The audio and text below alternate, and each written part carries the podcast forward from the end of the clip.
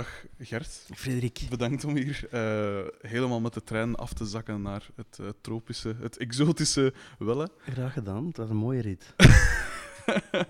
uh, zeg, de, de, eerste vraag is eigenlijk altijd dezelfde, namelijk hoe zij je destijds met muziek begonnen?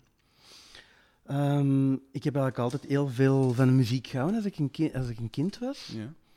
Dus uh, er stonden ze bij een paar uh, onkels en tantes stond er, stond er wel ergens een, uh, een buffetpiano waar ik gewoon graag een beetje op tokkelde terwijl de rest aan tafel zat. Mm -hmm.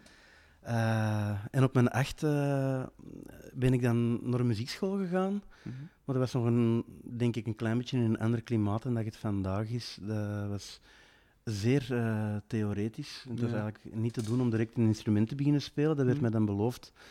Eh, na één jaar theorie, maar dat er dan aankwam, dan moest ik nog een jaar theorie doen. En, en dat zeg ik dan eigenlijk. Dat ben ik dan beginnen doen, maar daar ben ik dan mee opgegaan, want ik wou eigenlijk echt muziek spelen gewoon. Ja. Eh, en dan heb ik het eigenlijk zo'n beetje, even een beetje laten liggen, denk ik. Om- omdat ik, ja, ik was waarschijnlijk zwaar teleurgesteld. Ik dacht van, het is muziek is, dan, hè, dan, hoef- dan zal ik wel gewoon wel luisteren. Ehm, maar eh, ik heb dan, als ik een jaar of 11, 12 was, eh, gewoon zelf een gitaar opgepikt en, en, eh, en zelf beginnen spelen. En, en na een paar jaar kunnen dan zo uw akkoordjes en zo, eh, toch de, de essentiële. En, Ja. en vanaf daar ben ik het dan terug beginnen oppikken, totdat ik dan een paar jaar later samen met mijn zus kleine concertjes ben beginnen spelen Mm. met eenvoudige akkoordenschema's aanvankelijk. Hoe, en, maar eh, eerst wou het piano doen dan? Of ge- ge- toen dat je ingeschreven was aan de muziekschool, was het met het doel om piano te doen? Of niet? Of toch al gitaar? ik, ik, ik denk dat de keuzes eh, waar ik zat eerder beperkt waren Ja? in eh, de instrumentkeuzes. En dat een van die dingen dat ik kon doen dwarsfluit was. En daar wou ik dan ook echt wel voor gaan. Maar ik heb, dus, ik heb dus uiteindelijk nooit een dwarsfluit gehad. Nee, want ik, had- ik had thuis wel een hoop fluit. En ik had, ik had, ik had een panfluit en ik had, eh, ik had een, een blokfluit. En, eh, en dat deed ik heel graag. En daar zat ik ook zo zelf melodiekjes te spelen. Maar wat was dat dan? Zo van die kerstliedjes en dingen dat ja. waar je mee bezig bent als je, als je, als je zeven jaar bent. Hè. Ehm, maar dat is er dus nooit van gekomen. Ik heb nooit... Maar, en waarom dan dwarsfluit? Al, ik bedoel, dat je dan een blaasinstrument wilt doen, dat, dat, dat begrijp ik. Ik heb zelf ook nog wel eh, de aandrang gevoeld om saxofoon of zo te spelen. Maar waarom dwarsfluit? Dat heb ik nooit begrepen. Ah, wel ja, ik, ik, denk, ik denk dat er toen eh, niet echt heel veel eh, mogelijkheden waren in de muziekschool. En ik denk dat een van de dingen dat ze me voorschoven, Ja, dat ook gemakkelijk was voor kinderen om mee te nemen, hè, was, was een dwarsfluit. En dan dacht ik, oh, oké, Ah, dat is goed, zal ik wel fluiten. Dat is dus nooit gebeurd. En waarom dan uiteindelijk gitaar? Waarom zijn je daar dan bij terechtgekomen? Oh, de, de muziek dat ik dan, eh, waar ik dan graag naar begon te luisteren als ik een heel klein beetje Mhm. ouder werd, dat was, dat was eigenlijk al wel redel- eh, redelijk snel. ehm, ja, eh, bleek dat, dat, dat er nogal wat gitaren in kwamen. De, Mhm. de platen de- van mijn ouders waar ik van hield eh, toen ik jong was. eh, wat was dat? Dat was ja, Simon en Garfunkel, de Beatles en Oh. Boudewijn de Groot en zo. Er kwamen eigenlijk overal heel veel gitaren in. Ja. Eh, dus en dan leek mij voor de hand dat als je iets doet ja. dat een beetje naar pop, rock in die richting gaat, eerder dan klassiek, dat je dan voor de gitaar gaat, toch nog eerder dan, dan Ja. de piano. Ik, merk, ik merk dat het altijd terugkomt. Allee, de Beatles komen sowieso altijd terug. Hè, maar Mm. wat ik nu al gemerkt heb Mm. tegenwoordig... Oei, sorry. Mm. Bij veel muzikanten is ook Simon en Garfunkel. Of Mm. Paul Simon alleen. Eh, zelfs bij sommige jonge gasten nog, dat dat, dat, dat altijd terugkomt. Ah, ja. En ik ben er zelf ook een zware fan van. Het is daarom, ik, ik, en, mensen zullen dan misschien pijzen, ja, waarom gaat het dan niet dieper in op de Beatles? Maar ik vind Paul Simon zo'n, heeft zo'n coole platen gemaakt. Ja, dat is fantastisch. Dat, eh, Eh, ja. Ja. maar dat, dat, dat doet mij eigenlijk plezier ook. Zo, is ook duidelijk hè, een andere generatie dan mij. Bah, ik weet niet. toch, toch enigszins. Ja. Ehm, en eh, ik, eh, ik, ik, ik meen mij toch ook wel te herinneren dat in het begin dat wij ons eh, eerste interviews begonnen geven, wat dat intussen toch al een jaar of twintig geleden is. Ja. Dat je het dan ook niet bepaalt als zijnde verschrikkelijk cool overkwam om dat te zeggen tegen de mensen. Ja. Van, de Beatles, allemaal oké, hè, want iedereen vindt de Beatles ja. tof. Maar als je dan Simon en Garfunkel zei, zeiden ze, ah ja, echt? Eh, eh, en, en ik ben blij dat dat intussen toch, toch niet Ja. meer zo, zo wordt beschouwd. Dat is gewoon fantastisch, dat is Ja. ongelooflijk, nog altijd. ja, ik weet nu niet of er veel leeftijdsgenoten zijn dat daar echt naar luisteren, maar ik merk het toch echt als je zo bij muzikanten en zo, dat die toch wel de, de, de merites daarvan inzien. Van, van gewoon een nummer gelijk de Boxer alleen al. Hè. Nou ja, is, tuurlijk, schitterend. Of, Bridge Over. Troubled Water. Of gans die Graceland-plaat is zo... Ja. Oh, wat een plaat. Ehm, Ehm, maar eh, dus eh, de Beatles en dergelijke. Maar toen dat je dan. eh je sprak daarvan, je concertjes beginnen geven met je zus. Op, op welke leeftijd was dat dan ongeveer? Goh, ik, denk, ik denk waarschijnlijk zo, ja, de eerste keer is het natuurlijk op familiefeestjes en zo. Hè. Ja. Ze van, wil eens een keer een liedje spelen? En dan, ah, ja, oké. Mhm. Dus dat, dat je dan eigenlijk op zit te wachten en dan doe je dat. Dat je wel, een jaar of veertien waren waarschijnlijk. Mhm. Maar dan de, sorry, de eerste ja, echt mini-concertjes dat we dan gedaan hebben, dat dan waarschijnlijk in, eh, in de school van mijn zus was, of, of bij mij op school of zo, dat was toen ik een jaar of 16 was en zij, en zij 15, zal zoiets geweest zijn, Ja. eh, 14. En eh, had je dan al direct het, het plan opgevat om echt een groep te beginnen? Of was dat gewoon gelegenheidsdingen van Oh nee, dat was echt wel gewoon voor de lol. Ja. Eh, nee, ik heb, ik heb nooit eh, het, eh, het professionele muzikantenbestaan geambieerd tot, totdat ik het zich aandiende. Ja, dat, ik ging zeggen dat je het is dan wel fout gelopen. Ja, dat is echt heel, heel misgegaan. Eh, nee, ehm, ik, ik tekende heel graag en nog steeds. En, en ik dacht altijd wel dat ik daar op een of andere manier eh, mijn weg in ging vinden. Ik heb dat ook eh, gestudeerd. Ik, ik ben nog Cool. naar de academie geweest en zo, waar ik dan uiteindelijk mee ben opgehouden dat de muziek eigenlijk goed begon te draaien. Nog wel, ja. Ehm, maar voor, voordat Sarah eigenlijk, want het was aanvankelijk zij natuurlijk, die eh, een platencontract kreeg aangeboden eh, nadat ze een singeltje had opgenomen voor een kortfilm destijds, dus begin jaren 90. Mhm. Eh, het was rond die periode dat, dat, dat dan zo de mogelijkheid eraan kwam dat, dat er een, een volledige album zou worden opgenomen. Mhm. En dan heeft ze eigenlijk mij erbij betrokken. Dan heeft zij gewoon... Sympathiek. Zij wist dat ik... Ja, dat vond ik eigenlijk wel heel fijn. zij wist dat ik al liedjes aan het schrijven was op die moment. Ik had er maar, maar een handvol. Ik had, er Mhm. maar, ik had er maar drie of zo. Eh, en zij heeft dat dan ook gezegd aan de platenfirma dat daar dat contract aanbood. En natuurlijk ja, met de handen in het haar Cool. naar ons afzakte van, oh ja, nee, ze gaat- de broer gaat erbij komen of wat. Ehm, maar die waren dan eigenlijk aangenaam verrast door, door de liedjes dat, dat wij samen speelden en samen zongen. Eh, en die hebben dan, eh, ge- op basis van hetgeen dat wij toen gespeeld hebben, van een paar liedjes dat we toen op ons kot in Gent gespeeld hebben, hebben die gezegd, het is goed, we gaan ervoor gaan. En dan hebben ze mij ook getekend. Ja. De max. Zeg, die, eh, dat, dat, eh, dat teken, dat interesseert mij ook wel. Welke, wat voor stijl was dat dan? Was dat dan echt eh, dingen, allee, realistisch eh, teken? Of was dat eerder cartoonesk of van abstracte dingen? Of wat voor iets was dat? Eh, ik, ben, ik ben opgegroeid met heel veel eh, stripverhalen gewoon bij ons thuis. Mhm. Dus het is altijd een beetje cartoonesk geweest, want ik, heb, eh, ik schilder ook heel, heel erg graag. Cool. Dus nadat ik ook op de kunstenmajor had gezeten in, in Antwerpen, dacht ik van, ik ga schilderkunst volgen. Cool. En dan ben ik dan, ik ben op de academie in Antwerpen geweest dan, en daar heb ik een week gezeten. Want in, de, in het waarnemingstekenen eh, bleek al heel snel dat ik, ik, ik, ik maakte... eh, eh, ik paste de lijnen te veel aan naar Mhm. hetgeen dat ik fijn vond. Ja. Dus als, als er een, een model stond met bepaalde proporties, dan, dan, dan als, je, als je een bepaalde natuur hebt, heb je de, de, directe drang om dat ja. uit te vergroten. Hè? Ja. Als die zwaarder is, dan wil je die nog zwaarder maken. Die dun is, wil je die nog dunner maken. En dat deed ik echt veel te veel. En ik kon dat precies heel moeilijk van mij afzetten. En hebben ze daar, na een week hebben ze tegen mij gezegd, jij zit hier eigenlijk echt gewoon niet goed. Hè, je gaat geen goede schilder worden. Wat dat, Zo grof. ja, maar ze zijn keihard in de academie, altijd. Ehm, en eh, ik, ik, ik, eh, ik denk dat ik het er, ik, ik hoop er nog altijd oneens mee te zijn. Ik hoop dat ik nog wel een verdienstelijk schilder ben of kan worden. Ja. Eh, maar ze zei van, jij moet eigenlijk gewoon eh, ja, bijvoorbeeld naar, naar Gent gaan en animatiefilm gaan, gaan, gaan studeren of zo. En dat heb ik dan gedaan. ja. Dan ben ik naar Gent gegaan. Dat is wel cool. En dat vond ik eigenlijk heel fijn, want ik had op die school ook direct een veel... Ik weet niet hoe dat het vandaag is op de- in Antwerpen, het zou wel oké zijn, en zo, maar ik, ik, eh, ik voelde mij daar... Enfin, die, die, dus die lange week dat ik daar zat, voelde ik me eigen daar eigenlijk niet goed. En in Gent voelde ik me eigen echt fantastisch. Daar heb Ja. ik ongelooflijk graag gezeten. De Cool. paar jaren dus dat ik het gedaan heb. Hm. Ja. Heb je daar dan later nog iets mee gedaan? Want je werd dan muzikant, min of meer door, wel, ik kan niet zeggen door toeval, maar het was toch niet, niet verwacht dat je muzikant echt zo in die hoedanigheid werd. Maar je daar dan nog iets mee gedaan achteraf? Nee, ik heb dat eigenlijk zo ja, recreatief blijven doen natuurlijk. Ik had altijd schetsboeken bij Hm. op tour en zo. Dus ik ben op tour ook nog wel een beetje eh, blijven tekenen. Cool. En zo nu en dan eh, ook nog van die, eh, van die tekeningen het een en het ander gebruikt om iets op een platenhoes te zetten en zo. Mhm. In die zin wel, maar voor de rest heb ik eigenlijk professioneel nooit iets echt meegedaan. Ja. Kan nog komen natuurlijk. ja het is dat. Eh, zeg, en je begon dan, eh, dus uw zus kreeg een platencontract.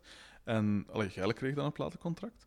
Eh, maar dat was nog niet onder de naam Case Choice, hè, dacht ik. Er zijn eerst nog een paar andere de groepsnamen geweest, hè, dacht ik. Ja, aanvankelijk, voordat we dat platencontract hadden, waren we eigenlijk gewoon voor de lol bij, bij een, ka- samen met een kameraad in de, in de kelder ergens spelen. En hebben we ons eigen de basement plugs genoemd. En dan daarna, eh, toen, toen, die, eh, toen die, de opname van die plaat eraan kwam, eh zochten we een andere groepsnaam. hebben we The Choice genomen.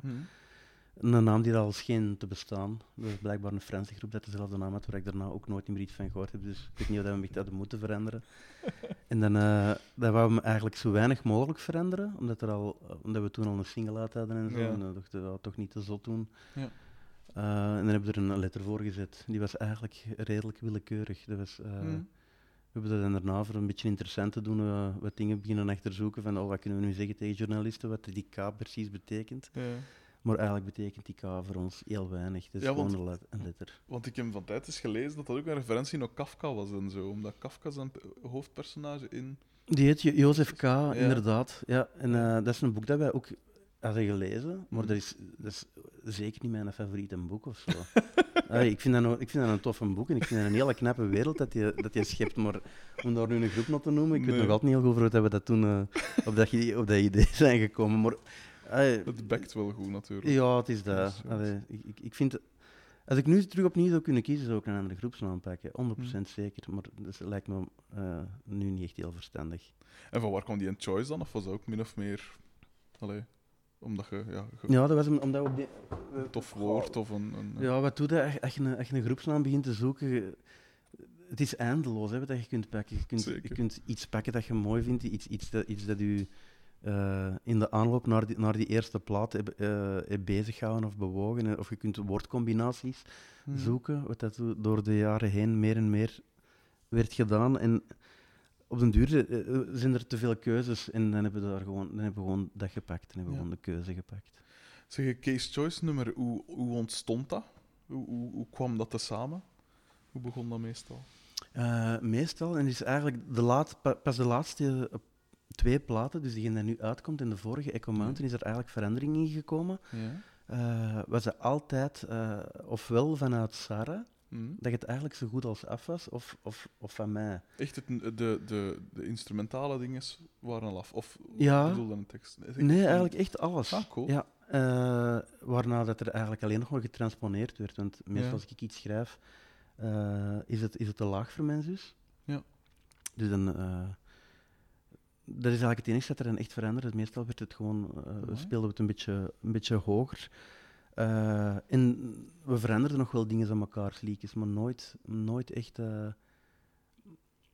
ja, de structuur van het liedje werd zo nu en, nu en dan nog wel eens een keer aangepast in de studio of, wanneer we het voor elkaar Mhm. ontspelen waren, maar zo het, het hart van het liedje was meestal wel wat dat het was.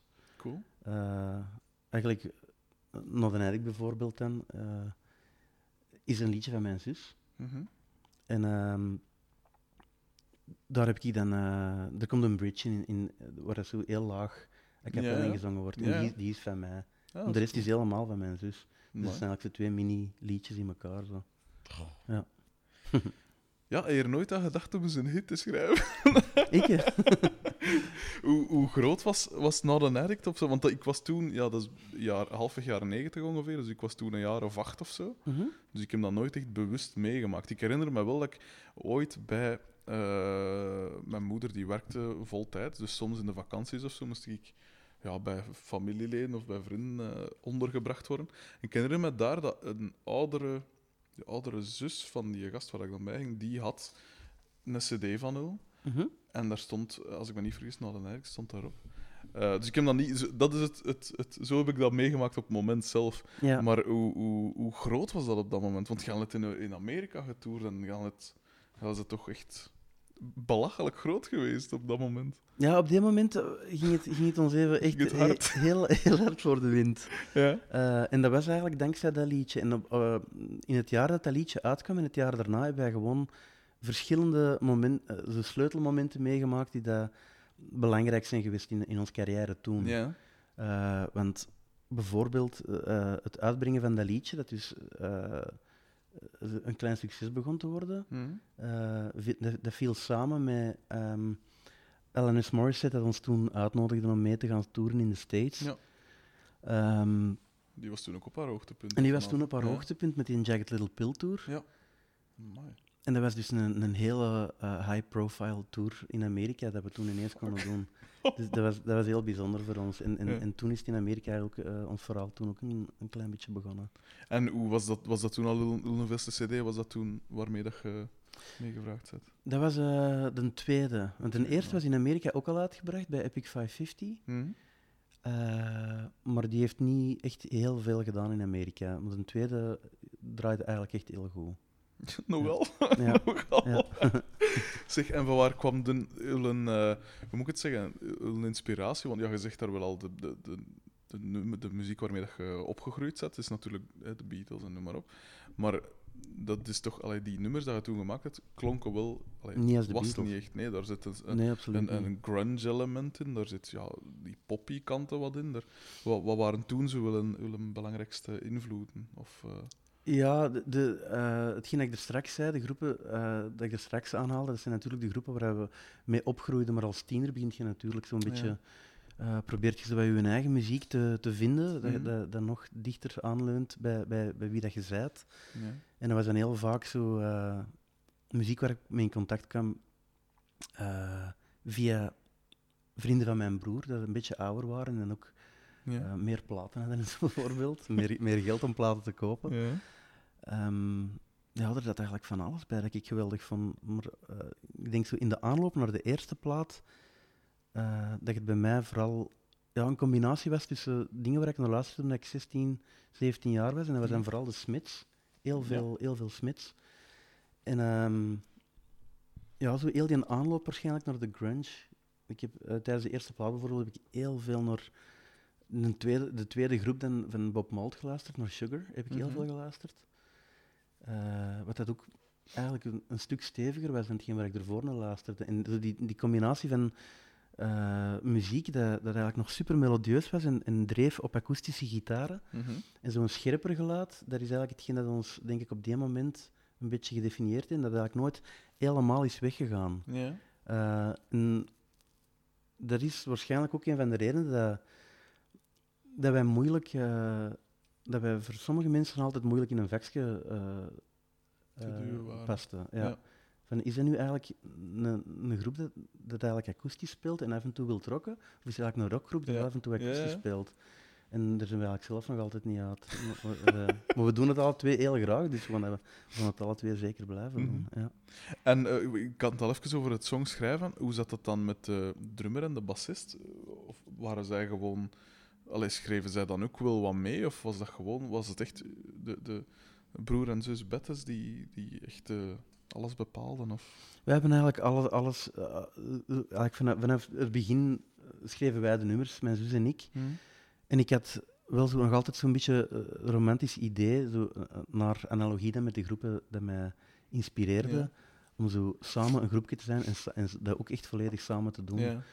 Maar ehm, eh, ik vond eigenlijk dat het al snel bleek dat dat, dat, dat redelijk utopisch is en, en dat Ja.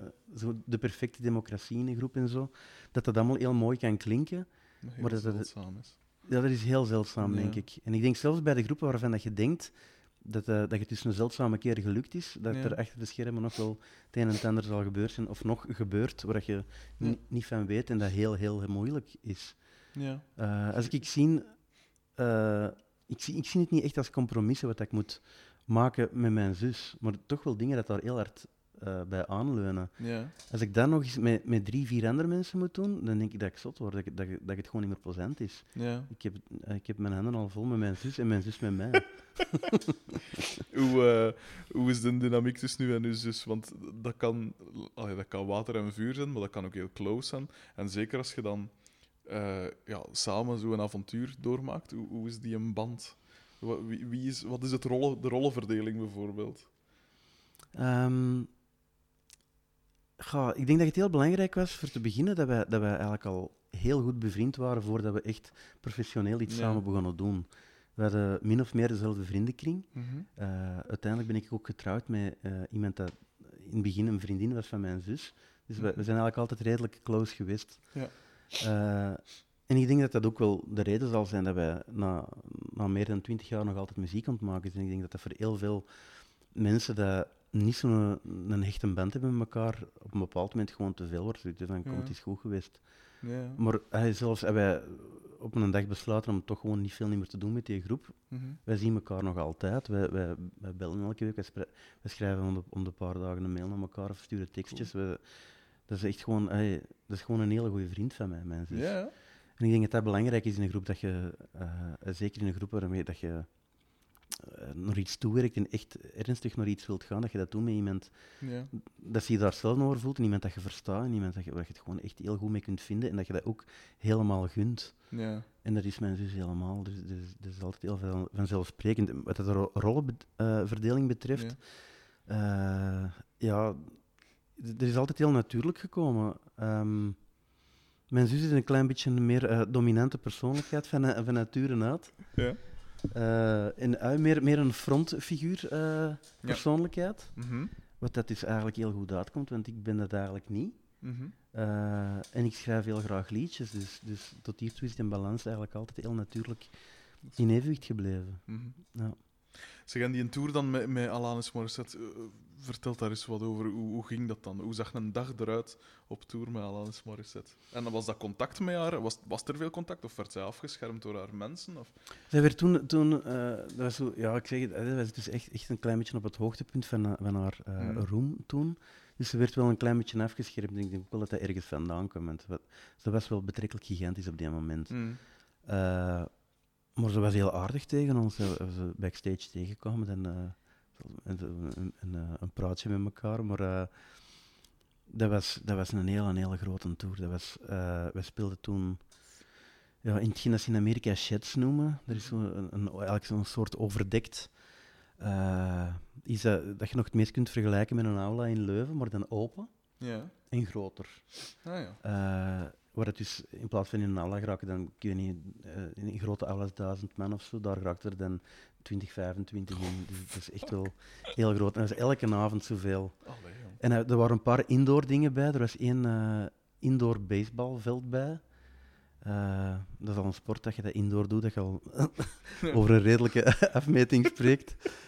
Ehm, een soort dome, met, met zo, ik herinner me dat met gigantisch veel glas erboven. Eh, Dat was, dan, dat was voor meer dan 30.000, dat was tussen de 30.000 en 40.000 man binnen. Dat was, dat was redelijk hallucinant voor ons, want wij waren Ja. ook nog, nog betrekkelijk jong, we waren allemaal twintigers toen. Ja, dus voilà. dat was allemaal nogal serieus overweldigend. Mm. Ja, maar, maar een hele, een hele fijne tour. Want eh, alles is natuurlijk ook gespanjeerd.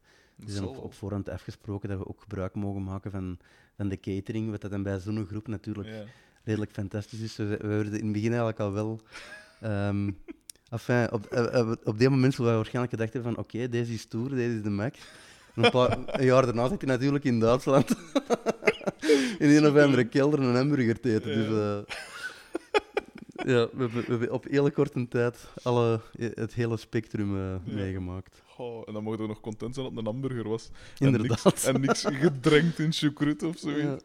Ja. Ja, ja en eh, hoe, eh, ja, hoe, hoe, hoe, hoe is het regime dan op zo'n tour? Op zo en, en hoe lang was dat? Hoe lang heeft dat geduurd, die een tour? Die tour met Alanis is uiteindelijk maar een klein maand geduurd. Ah, Het ja. was niet gigantisch lang, zo. Ja. Ehm, maar dan hebben we ervoor en daarna ook nog met Indigo Girls meegetoerd. Dat is op die Mhm. moment eigenlijk ook nog redelijk goed, het goed om toen waren. Dat was ook in Sheds.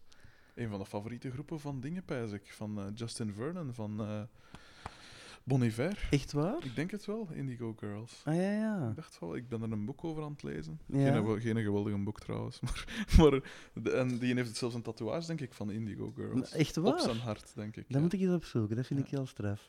Ik ben niet 100% zeker, maar toch 90% zeker. Ah ja, want allee, die zijn we eigenlijk heel goed beginnen kennen op den duur, Indigo Girls. Ah, en, zeker mijn zus, want die heeft dan nog een tijd in Atlanta gewoond, vlakbij waar eh, Emily en Amy woonden. Dus Ja. eh, die zijn eigenlijk een beetje bevriend geraakt daarna. Cool. Eh, heel, heel fijne mensen ook. Daar hebben we eigenlijk regelmatig mee getoerd. Mm. Eh, zij ook hier, eh, hebben we dan op een bepaald moment het goed begonnen doen in Parijs. En dan hebben zij hier nog een voorprogramma komen doen ook. Is een beetje afgewisseld met elkaar. Cool.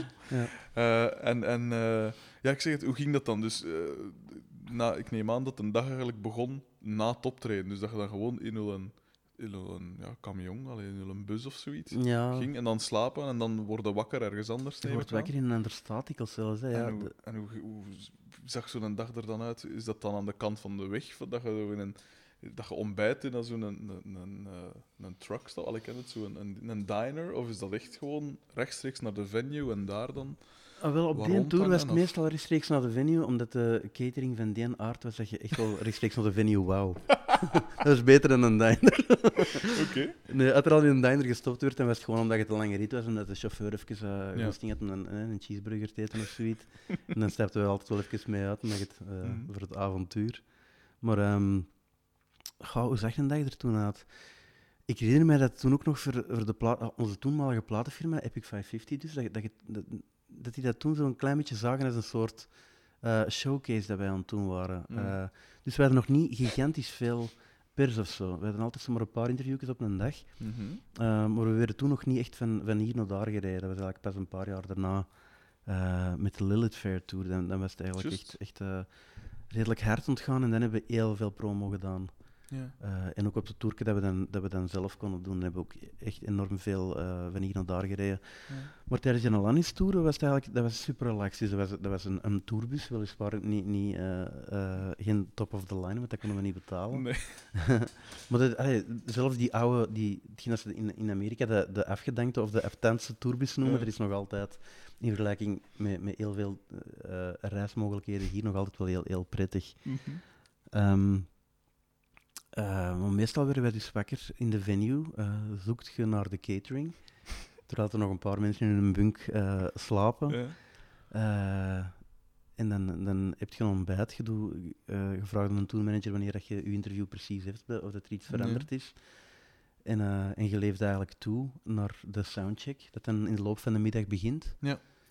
En na de soundcheck is dan gewoon nog een beetje eh, Eh, rondhangen. wat zelf gitaren stemmen. Want ik denk dat we toen op dit moment waarschijnlijk al één backliner hadden. Eh, maar dan toch nog een klein beetje helpen, zo met, de- Mhm. omdat we niet, niet echt crew- veel crew bij hadden. Mhm. En dan toeleven naar het concert en proberen zo goed mogelijk te doen en zoveel mogelijk zieltjes te winnen die avond. Cool. plezant, heel plezant. Heel fijn om aan terug te denken. Die, die Ja. ja. Dat zal wel. Ehm, en eh, hoe was dat dan in, in, in, in Vlaanderen? Waar je dan ook eh, het van Hut op dat moment, neem ik aan? Of, of viel dat dan hier wel mee? Of hoe, hoe zat dat? Ik zeg het, ik was acht jaar of zo toen. hè. Ja, dat is altijd zo'n beetje dubbel geweest. Ik denk, we, we hebben on- ons succes echt ons hier nooit eh, eh, ontbroken. Het was... Mm. eh, en zeker toen, de- het, ging echt heel goed voor ons hier. Maar er zijn altijd zo, ja, in de pers zijn er altijd mensen die u fijn vinden, dat u muziek graag horen. Ja. En er zijn er altijd het maar niks vinden. Dus er, is altijd wel, Ja. Er moet je altijd wel van in het begin eigenlijk eh, ja, gewoon eh je eigen bij neerleggen. Eh, Mm. Wat dat, als je moet, moet zeggen, dat is nu een stuk makkelijker dan als je van voor in de twintig bent. Ja. Dan kun je dat allemaal een beetje slecht relativeren. En als je een slechte review leest van je eigen, dan ik kom me eigenlijk er heel hard over, over opwinden. Ja. Eh ons had, had op die moment ook een zwarte lijst. een boekje waar iedereen in kwam en een slechte review kreeg. En dat hij daarna een interview vroeg, dan zei ze nee. Allee, zo, zo hard. Ja, ja zo, zo is het dan wel. Eh, zeg maar, eh, veel mensen, allee, als je nu nog zegt Case Choice, dan denken veel mensen eh, aan Not an Addict. Maar dan had echt wel, allee, het is niet echt al een verre van een one-hit wonder waard. Want als je ziet een nummer gelijk Everything for Free of, of Believe, of, of was het Believe dat het heet? Ja, hè? Believe inderdaad, Everything Dat for Free, je het ook redelijk goed Voilà, gedaan in het dat, zijn, dat dijken van nummers wel nog altijd. Ah, Wel, het hangt een beetje van land tot land af. Het is duidelijk niet internationaal dat het dat overal eh, gelijk is. Want eh ja, ik bijvoorbeeld, heeft het overal betrekkelijk goed gedaan. Everything for Free ook. Mhm. Maar eh, in Engeland bijvoorbeeld is het echt alleen al een addict geweest. En dan nog, nog niet, niet even gigantisch dan in continentaal Europa en Amerika. Eh, want ik, eh, ik heb onlangs nog, nog ergens eh, een, een van men- mensen dat bij mij op Facebook staan, had iets gepost over een, een of andere review dat er in een Brits blad stond en, en dat stond bij de One Hit Wonders. Echt? Case Choice, ja. Dus Allee. in Engeland heeft het echt nooit gemarcheerd voor ons, voor een of Mm. andere bizarre reden. Eh, kennen ze daar dus alleen Addict. En af en toe gaan we daar om de zoveel jaar gewoon eens een keer spelen in Engeland. En dan, dan vullen wij weliswaar een zaal van, eh, van ja, wat is het dan, 500, 600 man, denk ik. Mhm. Ehm, de laatste keer was met een Echo Mountain Tour, twee, drie jaar geleden. was een, met Freaky Age in, in het voorprogramma. Ja, Want ja. Die, zitten, die zitten in Londen. Hè. Mhm. Nu niet Ehm, meer, hè? Nu niet meer. Nu nee. is het Toen- weer een, een ding, ja. Ah ja, nee, toen zaten ze daar. Ehm, en dat, dat is altijd heel tof, maar ik neem aan dat het dan dezelfde mensen zijn die twintig jaar geleden naar Reddit kwamen kijken. Mhm. Die komen gewoon nog eens terug. Wat Ja. gevoel heb je dan bij een nummer gelijk naar een? Want enerzijds wordt het daardoor dan bestempeld in bepaalde landen als een one-hit wonder, maar anderzijds zie je daarmee wel ja, een ongelooflijke dijk van een nummer, ten eerste, en een enorme hit geschreven ook. Hoe voelt dat dan? Ja, gelukkig voelt het zo niet aan in de, in de meeste landen. In de meeste landen waar we gaan spelen en waar we kunnen blijven spelen en waar we zo nog een beetje het gevoel hebben dat we nog aan het bouwen zijn, nog steeds na die Ja. 20 jaar, aan iets, daar voelt het niet aan alsof dat iedereen zit te wachten op Northern Addict. Ze Ja. vinden dat tof dat we dat spelen en daarom spelen we het ook nog altijd. Tuurlijk. Want voor de lol moeten we dat niet meer doen. Laat dat duidelijk zijn. Zijn het echt zo beu live? Of alleen? Ja, allee, het stoort mij niet meer. Er is zo'n moment gekomen dat ik dacht van, echt waar, mogen wij dit nog altijd spelen? Maar dan, maar dan eh, dat, is zo, dat is zo gelijk, ja... Wat, moet ik dat vergelijken? Iets, iets, dat, iets dat je gewoon wordt. Hmm. En, en dat je, waarvan dat je weet dat andere mensen het graag hebben, dus Ja, dan doe je dat maar, hè. sympathiek. Ja, maar- Uiteindelijk doe je het toch ook voor de andere mensen, en anders moet het alleen, moet alleen thuis spelen. Hè. De- Ja. Dus eh, daar heb ik dan eh, betrekkelijk weinig problemen mee. Zolang dat we maar onze nieuwe liedjes kunnen spelen. Tuurlijk. Eh, want af en toe wordt er dan toch zoiets... eh gelijk vorig jaar bijvoorbeeld, nee, ondertussen twee jaar geleden, Hmm. hebben we twintig jaar bestonden, komt er het management de heel, het heel logische voorstel. En nu moet er iets gebeuren rond die 20 jaar Case Choice. En eh, je kunt bijvoorbeeld eh, gewoon een, eh, een, eh, een concert spelen met... eh, ja, waarin dat je dat in de verf zet. En niet met een nieuwe plaat afkomen en zo. Hmm. En dat heeft ons altijd veel minder geïnteresseerd. Dat is een hele logische weg dat je bewandelt, dat je, een ouder wordende groep bent. Mhm. Maar wij hebben nog altijd eh, het gevoel dat we, dat we dingen willen maken Ja. en dat we dat ook willen delen met de mensen. En dan vind, dan vind ik eh, het spelen van een paar oude liedjes dat ik een beetje beu Ja. ben, echt wel maar een heel kleine opoffering, zolang dat ik die nieuwe dingen kan spelen. Als ik die nieuwe dingen niet kan spelen en dat het alleen Ja. de oude liedjes eh, zijn dat, dat we enigszins gehad hebben, Hmm. dan, eh, dan denk ik niet dat het nog lang zal duren, want dan is het gewoon Nee. minder plezant. Ja, nee, dan heb je ook de indruk dat je aan het, aan het terugblikken bent, in de zin van ja, is dat is gepasseerd. Al- Alleen herkauwen, dat is Ja. niet wat je wilt doen als je nog creatief wilt bezig zijn. Hè. Mhm. Dat is belachelijk. Dus, eh, daar zijn we gelukkig nog niet. Zeg, en je bent een tijd gestopt, dacht ik, met Case Choice? Of dat is toch een tijd stilgelegen? Ja, ja we, we hebben eigenlijk een hele tijd stilgelegen. Ik denk in totaal toch... toch eh, enfin, we hebben af en toe nog tussendoor nog wel eens een keer in, of zo in markten gaan spelen, worden we, worden we minder, eh, minder gespeeld hebben. Maar we hebben zeven jaar eigenlijk relatief weinig gedaan en geen platen opgenomen. Ja, zo kan ik ook aan de 20 jaar geraken. Nee, Ja, ja, het is dat. dus eigenlijk zijn er nog geen twintig. Nee, maar dan hebben ze wel, dan zijn we bijvoorbeeld één keer in Zuid-Afrika gaan spelen en, en zo, Amai. nog eens een keer naar Israël en zo. En, en zo dingen dat je anders minder tijd ver, eh, Ja, vermaakt misschien. eh, dat, maar, dat, maar dat we wel heel graag doen. En waar we ook een kleine fanbasis hebben, dat hebben we in die jaar nog wel gedaan. Mm. Of is een lucratief eh, concert mee pikken, niet al te ver van huis, dat kun je dan ook gewoon niet laten liggen, omdat je het ook wel kunt gebruiken natuurlijk. Maar eh, we hebben eigenlijk eh, een aantal jaren eh, onze eigen platen gemaakt. Sarah heeft er, heeft er een drietal gemaakt en ik heb er met, met Woodface, met mijn groepje, dan heb ik er eh, twee gemaakt. Was dat dan de reden dat je even wat tijd wou voor andere dingen? Of was er, zat het een wasgevende groep? Of hoe, hoe zat dat? Nee, we, we hadden het wel we hadden het even een beetje gehad. Zo van. We, we hadden, Mhm. we hadden op dit moment het gevoel dat we eh, zo in een soort eh, cirkeltje rondgaan waren wat dat eh, routine betreft. Ja. Dus ja, waar je uiteraard altijd in moet terechtkomen. Maar op, Mhm. op dit moment voelde dat, dat eh, even de overhand of zo, eh, die Mhm. routine. Dat, begon een beetje te zwaar te wegen en dan dat we gewoon even do- eh, doorbreken. Zo, eh, Ja. liedjes, liedjes schrijven, plaat opnemen, eh, plaat uitbrengen, eh, promo doen, toeren. Dat, was, dat, is altijd zo, dat Ja. komt altijd zo terug opnieuw. Dat is zo'n wielje dat ronddraait. en we wouden zo eens een keer een ander wielke maken. En, en eh, ik heb dat dan gedaan met mijn groep en Sarah met een paar soloplaten. En dat is, is eigenlijk echt heel fijn geweest. hè, Want het- was ook niet alleen het maken van die soloplaten. Want Sarah bij een hoop andere mensen backing vocals gedaan. Mhm. Eh, ik ben nog even bij Venus in Flames gaan spelen live. Ik Ja. heb ook één, pro- één, één keer de productie gedaan van een van zijn platen. Van Cool. zijn platen. Eh, dus echt zo andere dingen gedaan waar we eigenlijk ervoor geen tijd Nee. voor namen of konden nemen. Mhm. Eh, en dat is ons alle twee heel goed gedaan. Want we hadden verschrikkelijk veel goesting om aan Echo Mountain te beginnen vier jaar geleden, aan Ja. het vorige plaat. Mhm. Eh, dus we hadden, we hadden die een break echt, echt wel nodig. En wat was dan het verschil voor u bijvoorbeeld tussen Woodface en Case Choice? Want ja, je schreef. Allee, als je, ik kan me dat goed voorstellen als je in een groep zit en je bent niet de main songwriter, dat je dan even een, je eigen hij kwijt wilde in een ander project of zoiets. Maar jij kon al u, ja, een groot deel van je ei kwijt in, Ja. in Case Choice. Wat was dan het verschil? Wa- wa- Want ik, ken, ik moet zeggen, van Woodface ken ik niks. Dus wat is dan het, het, het verschil? Is dat een ander genre? Is dat een... Ja, wat was dat dan? Want Ja, daar Wood- zijn je ook Woodface- frontman in, hè? Daar Ja, zijn ja, wel ja. frontman in. Ja, dat was eigenlijk een stuk steviger. eh, uiteindelijk. de eerste plaat was er nog een beetje alle kanten op, wat de stijl betreft. Mhm. Eh, de tweede is eigenlijk van begin tot einde een stuk steviger dan hetgeen dat we deden met Case Choice. Cool. Niet in vergelijking met de plaat die nu uitkomt, want die, die is opnieuw betrekkelijk stevig. Maar ehm, dat is heel gek, maar als ik begin te schrijven, Mhm. probeer ik mijn eigen altijd voor te nemen dat ik eigenlijk gewoon schrijf wat ik wil schrijven. Ook als ik voor iemand anders schrijf, Mhm. eh, dan Woodface of mijn zus. Maar op, op een of andere manier eh, begint je toch altijd, al dan niet bewust, en ik denk eigenlijk eerder onbewust, te denken. eh, eh, eh, probeer je het uiteindelijke resultaat voor de geest te halen. Mhm.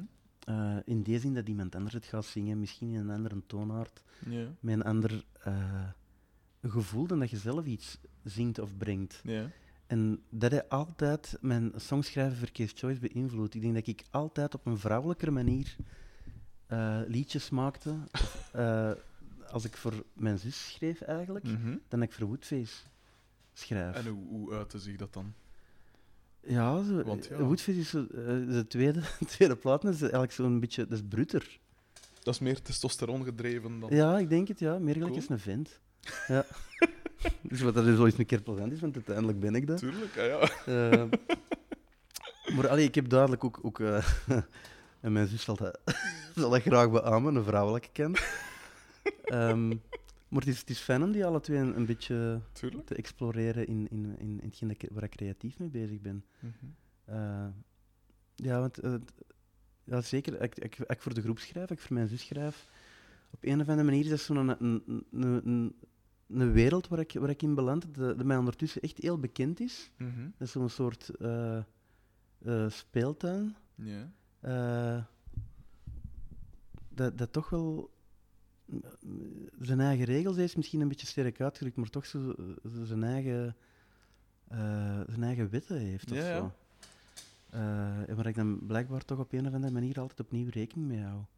En zijn die mm, voor u relatief gedefinieerd? Weten van, daar moet ik niet aan beginnen, want dat, dat gaat niet? Of, of ah, dit gaat wel goed, allee, goed gaan? Ik, ik zeg nu maar iets, dat je bijvoorbeeld... Dat je, allee, je weet waarschijnlijk vrij mm, allee, automatisch van, oké, ja, dat is, dat is te laag voor haar stem bijvoorbeeld, of dat is Ja. te hoog, of weet ik veel. Eh, maar zijn er ook stilistische kenmerken van, ja, nee, met, met zoiets moet ik moet niet afkomen met, ik zeg maar iets, een, wal, eh, een iets in drie vierde, een walsken, of allee, dat soort dingen. Of, of Eh, is dat niet zo... Nee, er is, er is niet, niet echt Het zo. is echt een gevoel dat je gewoon weet van... Ja, er, want er zijn eigenlijk weinig dingen dat ik heel graag hoor waar mijn, zuster echt, waar mijn zus echt ja. eh, op afknapt of zo. Textueel wel. Ik weet dat ik bepaalde dingen, eh, terwijl ik bepaalde dingen aan het schrijven ben van Ja. teksten, dat ik denk van, terwijl ik die zin geschreven heb, van oké, die kan ik best wegschrijven, die gaan ze toch niet zingen. dat weet ik al eigenlijk op, op voorhand, maar meestal probeer ik dat zo even. ja. En dan leest hij dat en dan heeft meestal gelijk. Mm. ik, Ja, nee, Gert, sorry, dat doe ik niet. Wat voor zinnen zijn dat dan? Ja, allee, pff, ik, wil, ik, wil, ik heb graag dat liedjes ergens over gaan. Mijn zus ook trouwens. Mm, bij voorkeur. Dat, je, dat, het geen, eh, ja, dat je het geen zever is dat je, dat je zit te zingen. Maar bij mij komt er dan zo, gaat het dan soms ineens wel over, over religie en zo van die dingen. Zo Ah, toch? dingen die mij eigenlijk altijd een beetje hebben bezighouden.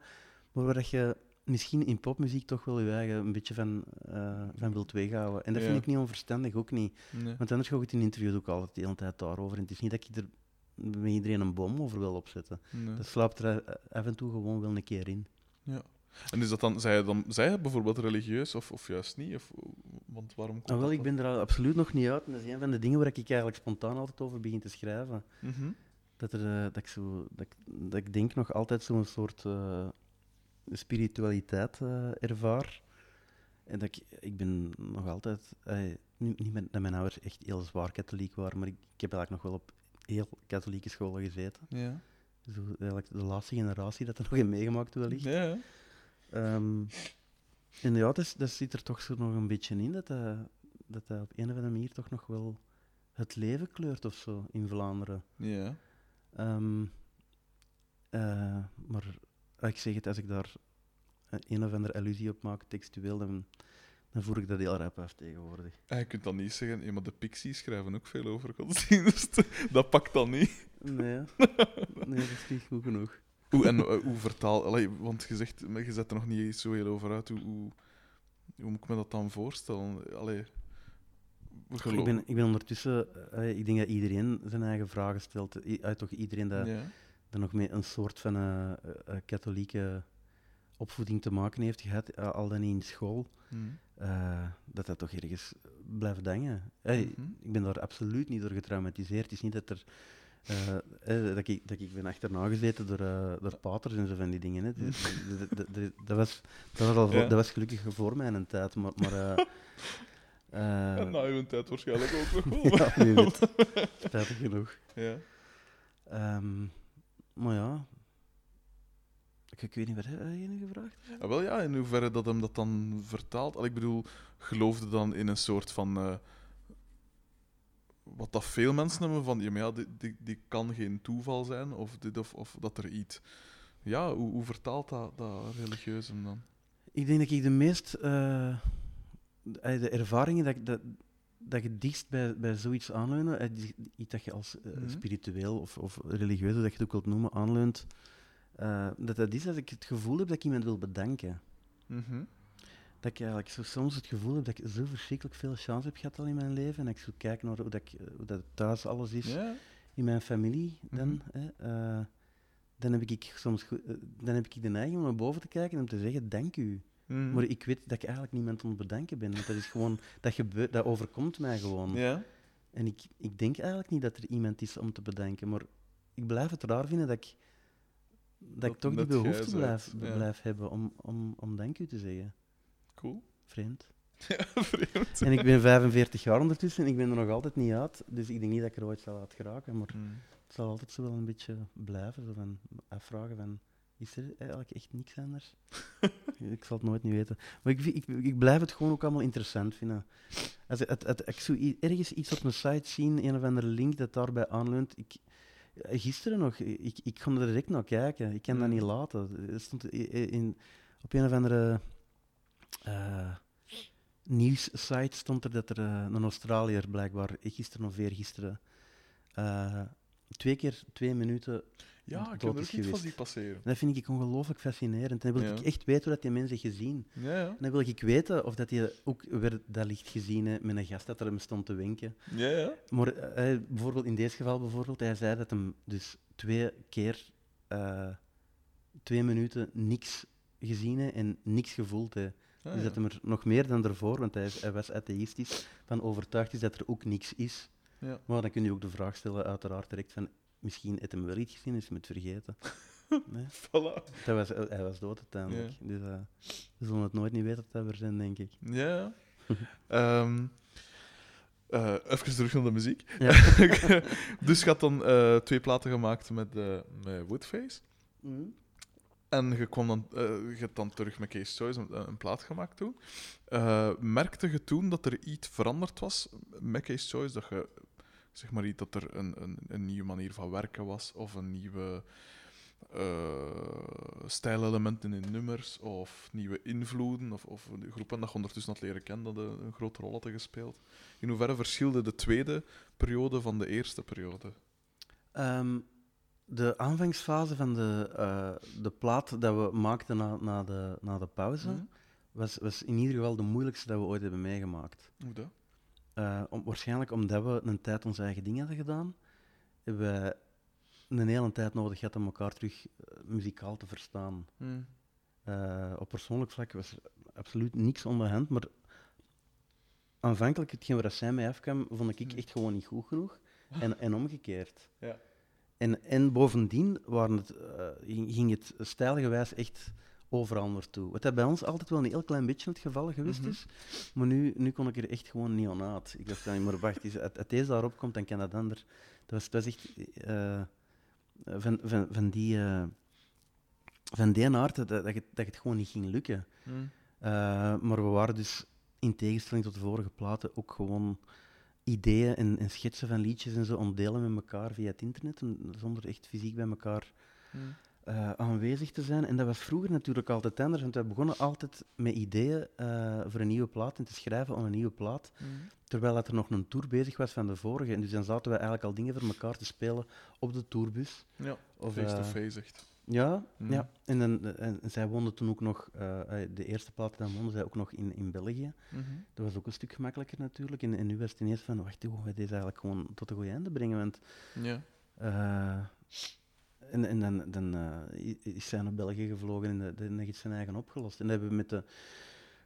Nu, met te beginnen aan de laatste plaat, hè, die, diegene dat dus nu in april uitkomt, eh, hebben we het gewoon van in het begin gezegd. We gaan dat niet meer doen. We gaan gewoon samen beginnen schrijven. Ja. Ik, ik, kom, ik, boek, ik boek een vlucht, ik kom naar, naar Tennessee, ik blijf, ik blijf eh, bij u een dag of tien en, en, en we doen hetzelfde hier in, eh, Ja. in mijn studio in, in Antwerpen.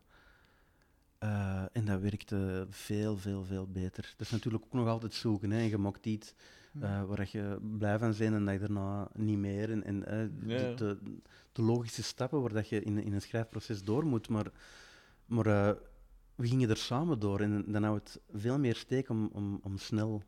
het, dan was het veel makkelijker om snel tot iets, iets te komen dat we, waar we alle twee heel enthousiast over waren. Mm. Ja. Zeg, en het moment dat zij zei van, zeg, ik ga in Amerika gaan wonen, wat, wat ging er toen doorheen? Want ik kan me voorstellen dat je dan pijst van, maar ja, hoe en... Nee, op we moment dat was dat, op dit moment was dat niet echt een probleem, want dat was, Ah. dat was op het moment dat we ook heel veel aan toeren waren in Amerika. Mhm. En eh, ja, ja, je bent jong en je denkt dan ook van dat gaat zo blijven zijn. Ja. Wat het dus niet het geval is. Eh, Mhm. Maar eh, nee, op dit moment maakte ik mij daar absoluut geen zorgen over. Want we Mm. zaten eigenlijk evenveel te spelen in, in Amerika dan in Europa. Ja. Dus dat maakte niet uit. De ene keer vloog ik naar daar, de andere keer vloog zij naar hier.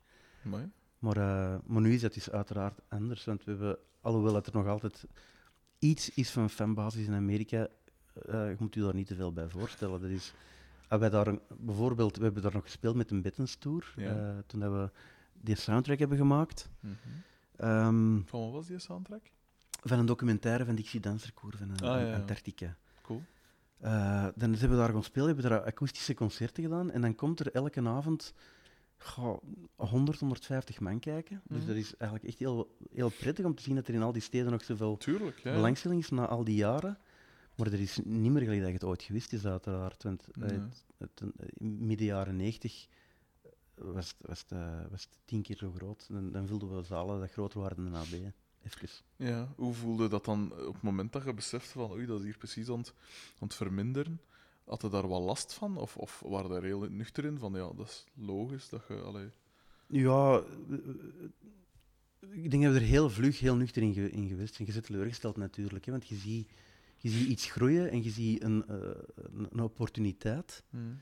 En je ziet uiteraard ook dat er naast de heel veel eh, ehm, waanzinnige sleutelmomenten dat er geweest zijn in ons voordeel, dat er ook sleutelmomenten geweest zijn aan de andere kant. Hmm. Eh, waar dat iemand had moeten opspringen, dat dat niet snel ge- genoeg gedaan heeft of wat dan ook. Enfin, de dingen waar dat heel veel groepen eh, over nadenken.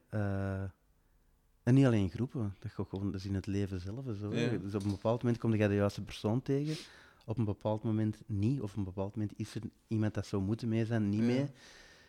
Iemand aan de karret kunnen trekken of zo. En, en ik, ik, er zitten zo'n paar momenten in mijn, in, mijn, eh, in mijn hoofd dat het anders had kunnen gaan. In Amerika bijvoorbeeld waren we denk ik heel dicht bij nog een volgende stap. eh, dat er dan niet gekomen is. En dat is, dat is wel een beetje sneu dat natuurlijk. Eh, ga, ik denk niet dat het alleen daarmee te maken heeft, maar een van de redenen is dat ik op een bepaald moment heel ziek ben geworden en dat we tijdens de Cocoon Crash Tour eigenlijk de plaat dat volgde op Paradise in Me, eh, dat ik eigenlijk heel veel concerten, en dat was eigenlijk de eerste, eh, dat is die eerste periode dat we zelf zalen aan het vullen waren, dat ik gewoon niet naar Amerika kon gaan. Dat ik ik ben toen eh, drie maanden verschrikkelijk ziek geweest. En dat was echt een periode dat we heel de tijd aan het optreden waren. Ja, dan Constant is en dat inderdaad wel een serieuze... Ja, en- maar ah, ik denk niet dat het alleen daarmee te zien is. hè. Want we zijn daarna nog wel geweest en zo, en dan was het duidelijk al een klein beetje aan het, eh, aan het afbrokkelen, Mm. het momentum. Pop, pop- en rockmuziek is, is een zeer, zeer vluchtig medium. Hè. Ehm, Mm. het heeft heel veel te maken met, ja, met hetgeen ik zeg, met momentum. En, en, eh, Ja. Dus op een bepaald moment eh, is er zo'n soort golf dat je voelt en waar je op, op mee surft. Ja. En eh dat die golf niet meer, niet meer groot genoeg is, dat, dat, zo echt, dat die al overgeslagen is, Ja. en je bent nog altijd een beetje aan het meesurfen, dan wil je eigenlijk dat die golf er terugkomt, maar, Ja. maar je zit al bijna op het strand. Zo. dat, hè, dat, is- dat is Ja, dat is... eh, dat, die ziet dat elke groep meemaakt. Mm. Eh, en dat ik ook wil zonder, zonder dat ik eh doemdenker wil zijn of, of pessimistisch wil zijn. Ik geef dat ook heel graag mee aan jonge mensen. Mm. Zo van, eh, ik hoop echt dat je ervan geniet, want het gaat voorbij. Ja. Ja. Eh, enfin, het is nog niet voorbij bij ons, maar zo de, de haaien van Ja. het nieuwe groepje zijn dat, al, dat de wereld gaat veroveren, ja. dat is echt maar een paar jaar. dat is bij iedereen zo. Ja. Anderzijds, het gaat natuurlijk. Hè. Dat, is, dat is wel En het gaat, en je ja. kunt blijven spelen. En ik ben nog altijd heel blij dat, ik- dat deze mijn beroep is. Ja, het zal wel zijn. Eh, en je vindt wegen om het, om het te laten werken. Hè. We, we zitten nu wel platen in eigen beheer uit te Mhm. brengen en zo, meer dan vroeger. Ja. Eh, distributie nog altijd wel bij Sony en zo, dus we proberen nog altijd nog wel heel professioneel aan te pakken. Maar ja. je moet alles herdenken als je een groep zit er al zo lang bezig is. Dat, dat moet. En vinden dat, eh, ga ik zo'n plaat in eigen beheer uitbrengen? Vinden dat, eh, wat vinden daar positief aan, wat vinden daar negatief aan? Allee, vergeleken met dus hoe, het, hoe dat het was.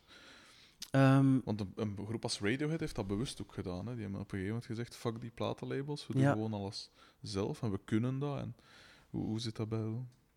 Ga, ik, ik denk, ik denk eh, dat het voor sommige groepen waarschijnlijk veel, veel prettiger zal zijn om alles in eigen be- beheer te doen. Bijvoorbeeld een groep als Radiohead. Ik kan me voorstellen dat, ehm dat die OK Computer hadden gemaakt, dat de plaatfirma inderdaad even de wenkbrauwen zal gefronst hebben als ze de eerste demo's hoorden van eh Ja, ja. Kit 1, zo, wat er allemaal achter kwam. Hè. Mm. Eh, en dat zij toen zoiets hadden van, weet je wat, we zullen het zelf wel doen. Eh, dat begrijp ik heel goed. Mm. Wij zijn nooit een groep geweest dat zo experimenteel was. Mm. We hebben altijd melodieuze popliedjes geschreven dat om en bij de drie minuten duurden. Dus, dus in deze zin zijn we altijd een heel traditionele pop-rockgroep geweest. Ja. Maar ik kan me voorstellen dat je in Radiohead zit, dat, dat het wel even een ander verhaal is. Bij ons is het verschil eigenlijk altijd heel klein geweest. Wij houden gewoon van popmuziek en van, van dingen dat je... Dat je Mm. eh, eh, ik, ik hou van dingen die mij pakken, maar meestal zijn dat ook gewoon dingen die op de radio kunnen. ja. Dus in deze zin heb ik nooit echt een probleem gehad met platenfirma's. Want hetgeen dat ik spontaan schrijf, leunt eigenlijk altijd redelijk dicht aan bij hetgeen dat zij hopen dat ik maak. Ja. Ehm, dus ik heb nooit het gevoel gehad dat. eh, ik heb een paar keer wel dat gevoel gehad, maar dat heeft mij nooit verlamd of zo. Dat er een, eh, een platenfirma heel een tijd in mijn nek zat te ademen van.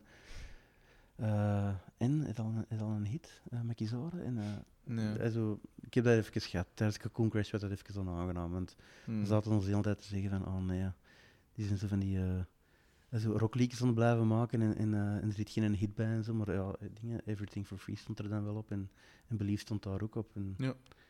Dat heeft toch ook niet slecht gedaan, dus dus op een duur moet je eigenlijk toch altijd je eigen goesting doen.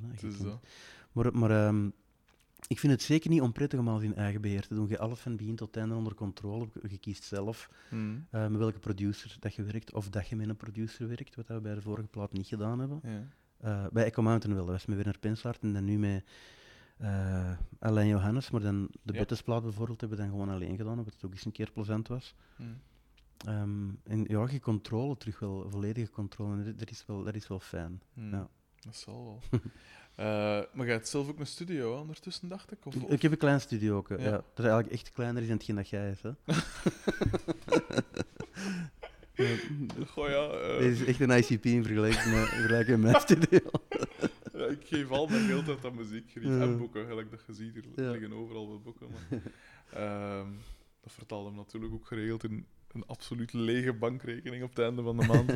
dus qua toekomstperspectief is dat vrij beperkt. Maar ehm, wat dacht ik nog te vragen? Ah ja, dus als je nummers schrijft, eh, welke elementen moet een nummer hebben om, om voor jezelf in aanmerking te komen voor Case Choice of voor Woodface? Of, of zijn er zo dingen dat je zegt, dat, dat, dat moet dat hebben? Allee, de, sta, de standaard antwoord is dan ja, een catchy riff of een hook of een dingen. Of, maar zijn er, gelijk als ik schrijf, dan is dat ja, geen vier vierde. Allee, ik schrijf van die rare, iets Ja. raardere dingen, dus dan is dat juist geen vier vierde maatsoort. Ah ja, ja. Of eh, geen melodieën en heel ritmische dingen of zo. ja. En hoe zit dat dan bij u? Zijn er, zo, zijn er regels voor uzelf dat je denkt van nee, dit, dit Ja, wij hebben eigenlijk het enige eh, criterium dat wij hebben is dat je het eh, u op een of andere manier, Hm? eh zij het dat, je het dat, dat het een soort opwinding eh, genereert of dat je het een, een soort eh, melancholie Mhm. oproept bij iemand. Het moet, het moet de luisteraar, dus in, en in de eerste plaats onszelf, terwijl we het maken, Mhm. bewegen op Ja. een of andere manier. Als dat niet is, en dat je, eh, als je zo al tegen mensen waar je de plaat verspeelt moet, moet zeggen op voorhand, je moet wel eh, wachten tot, totdat het nummer anderhalf minuut bezig is, want dan, ja. dan gaat er echt in komen. En ook misschien niet, gaat het misschien niet tof vinden na de eerste keer, maar na de twintigste. Dan is het voor mij al niet meer oké. Ah ja. Nee, dat is echt niet oké. Want eh, zelfs in experimentele muziek, ik Ja. dan bijvoorbeeld denk aan, aan het meer experimentele werk van Radiohead Ja. bijvoorbeeld, een groep dat ik fantastisch vind. ja. Ik, ik vind die platen beter als ik ze een paar keer opzet. Maar ik vind ze al wel fantastisch de eerste keer. Ja. Een plaat dat ik de eerste keer niet fantastisch, is niet, eh, niet fantastisch vind, vind ik niet fantastisch. Ja, nee. Er moet, er moet direct iets in zitten dat u pakt. Ook, ook in de, het soort muziek waarvan de mensen zeggen van ja, maar pas op, dat is, zo, dat is een plaat dat, dat, dat groeit. Ja. Je moet die een keer meer opzetten. Die platen bestaan echt. Maar Ja. zelfs bij die platen heb ik de eerste keer nog iets van wauw, deze wil ik meer opzetten. Ja. Er zijn heel veel eh, mensen die zo eh, eh, experimenteel bezig zijn, dat eigenlijk in die hoek belanden, sorry, in die hoek belanden. En eh, ja, waar je bij wijze van spreken een handleiding bij nodig hebt, om naar die muziek te kunnen luisteren. Ja. En dan, dat interesseert mij niet. Ik wil Hmm. echt op een of andere manier gepakt worden door muziek zelf. ja. En redelijk rap. Ja, zo ongeduldig ben ik dan wel. Ik herken het. Ja. Ik heb dat met eten en drinken. Ah, ja. Maar ze zeggen altijd, je moet leren. Bier, je moet dat leren drinken. Maar ik denk dat van, ik ga niet twintig keer... hoofd, ik vind het niet goed. Ja. ja, voilà, ik kan niet twintig keer dat walgelijk bocht naar binnen werken, om dan ooit... eh, nee, dat heeft me nooit aangesproken. Ehm, dus, dat is, ja, dus het moet altijd wel eh, iets... iets eh, ja, catchy klinkt zo, klinkt zo wat fout, maar het moet wel iets hebben dat u, dat u vast Het moet iets hebben dat u pakt. Ja, Ja. En, en ik denk dat catchy inderdaad niet echt het woord is. Want Nee. Want er zijn verschillende liedjes, dat, wat dat mij betreft, eh om dat criterium beantwoorden, Mm. dat niet echt catchy zijn. Ja.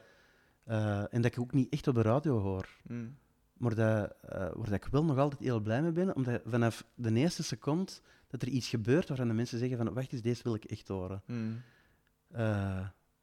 Bijvoorbeeld Shadowman, Ja. dat is, dat is een liedje dat op eh, Almost Happy stond. Ja. Dat is niet bepaald ons meest succesvolle plaat, maar er is nog altijd wel een liedje waarvan ik bijvoorbeeld weet dat het nooit op de radio ging komen, of zo goed als nooit. Nee. Eh, het duurde ook veel te lang, het is vijf, zes minuten. Mm. Maar ook als we zoiets ontmaken zijn, is voor, voor Sarah en voor mij belangrijk dat er direct iets gebeurt Mm. eh, ja, dat, dat zaagt aan de luisteraar. Dat, dat je zoiets hebt van, Ja. oh, ik wil echt weten wat er nu gaat gebeuren, of wat dat ze zeggen, of wat ik gewoon voelen.